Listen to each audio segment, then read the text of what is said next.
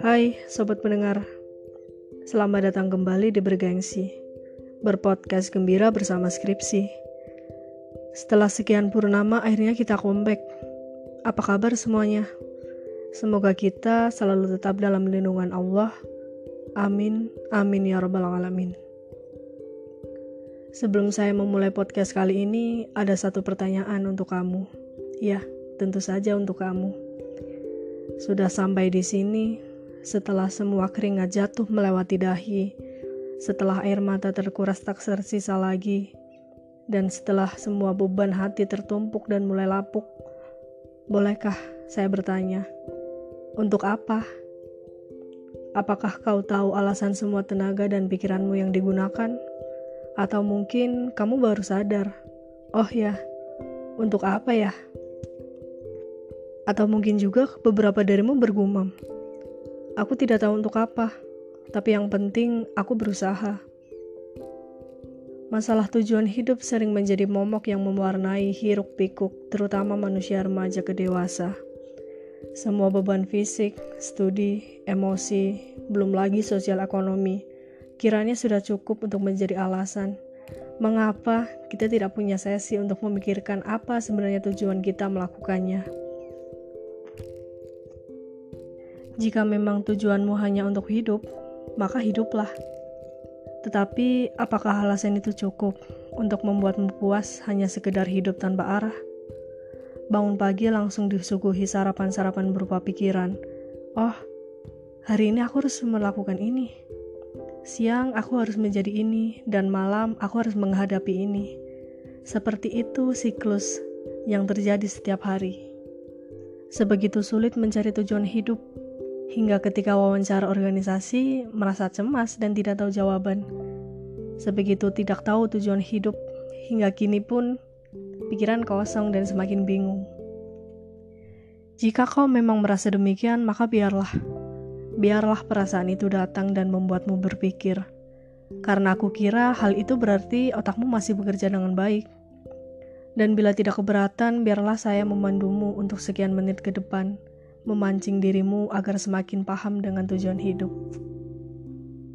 Tanpa kata pengantar, rumusan masalah, dan latar belakang, saya akan langsung menjawab bahwa tujuan hidup adalah banyak, Dikotomi atau perbedaan-perbedaan yang mengiringi teori psikologi telah membawa banyak-banyak sekali teori pemikiran yang tak jarang memang membingungkan.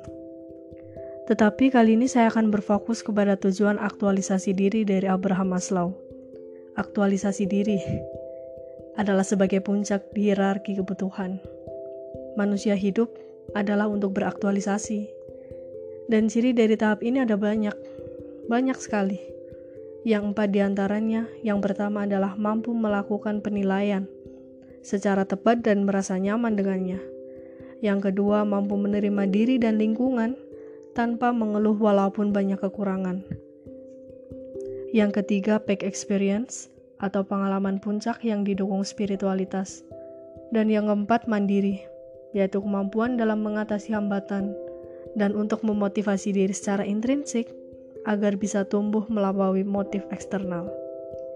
Dari contoh tujuan hidup menurut aktualisasi Maslow sebenarnya memiliki satu inti, yaitu untuk mencapai kebahagiaan dan ketentraman. Lalu, bagaimana Islam memandang hal ini? Manusia diciptakan Allah bukanlah tanpa alasan. Hal ini sesuai dengan penjelasan dari surat Al-Mu'minun ayat 115 yang memiliki arti maka apakah kamu mengira bahwa sesungguhnya kami menciptakan kamu secara main-main saja dan bahwa kamu tidak akan dikembalikan kepada kami? Lalu dalam surat Al-Bayyinah ayat 5 telah dijelaskan yang artinya adalah dan mereka tidaklah disuruh kecuali supaya menyembah Allah dengan memurnikan ketaatan kepadanya dalam menjalankan agama yang lurus dan supaya mereka mendirikan sholat serta menunaikan zakat dan yang demikian itulah agama yang lurus. Dari dua ayat tersebut maka sudahlah jelas bahwa secara umum manusia hidup untuk beribadah kepada Allah dan sudah jelas pula mengenai adanya kepastian bahwa manusia akan kembali kepada Allah. Lalu, kita harus memilih tujuan apa dan yang mana? Jika kamu memang bertanya demikian, maka saya kembalikan kepadamu bahwa sesungguhnya tujuan hidup adalah perkara subjektif. Kamulah yang menentukannya. Dan bila boleh saya bersaran dan berpendapat, tujuan hidupmu adalah untuk mencari kebahagiaan, yang caranya adalah ditentukan oleh dirimu sendiri. Dan bila boleh saya bersaran lagi, jangan lupa, selain kamu adalah manusia yang eksis di masyarakat, kamu adalah seorang hamba Allah di waktu yang bersamaan. Apa kau tidak merasa salah jika hanya hidup untuk mencari kebahagiaan, padahal sumber kebahagiaanmu adalah Tuhanmu? Maka carilah kebahagiaanmu itu dan jangan tinggalkan Allah. Allah tidak membutuhkanmu, kaulah yang membutuhkannya. Maka carilah kebahagiaanmu itu dan jangan lupakan kehidupan setelah matimu. Syafaat tidak mencarimu, kaulah yang mencari syafaat dan pertolongan di hari akhir nanti.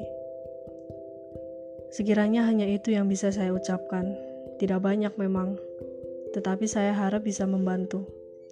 Jangan menyerah, dan jangan tidak peduli. Semoga kamu bisa menemukan tujuanmu.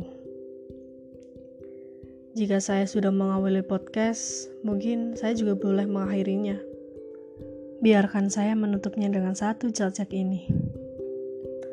Di pagi yang sejuk, dingin, dan berembun, berkicau burung menantikan induknya. Burung itu kemudian semakin keras sembari sang siang datang. Di saat yang sama manusia muncul, menjalani hari demi hari dengan tenaga yang semakin rapuh dimakan waktu. Burung yang ramai tadi memandang manusia-manusia itu. Lalu mereka tiba-tiba diam dan bergumam. Oh, itu dia, manusia yang tahu arah.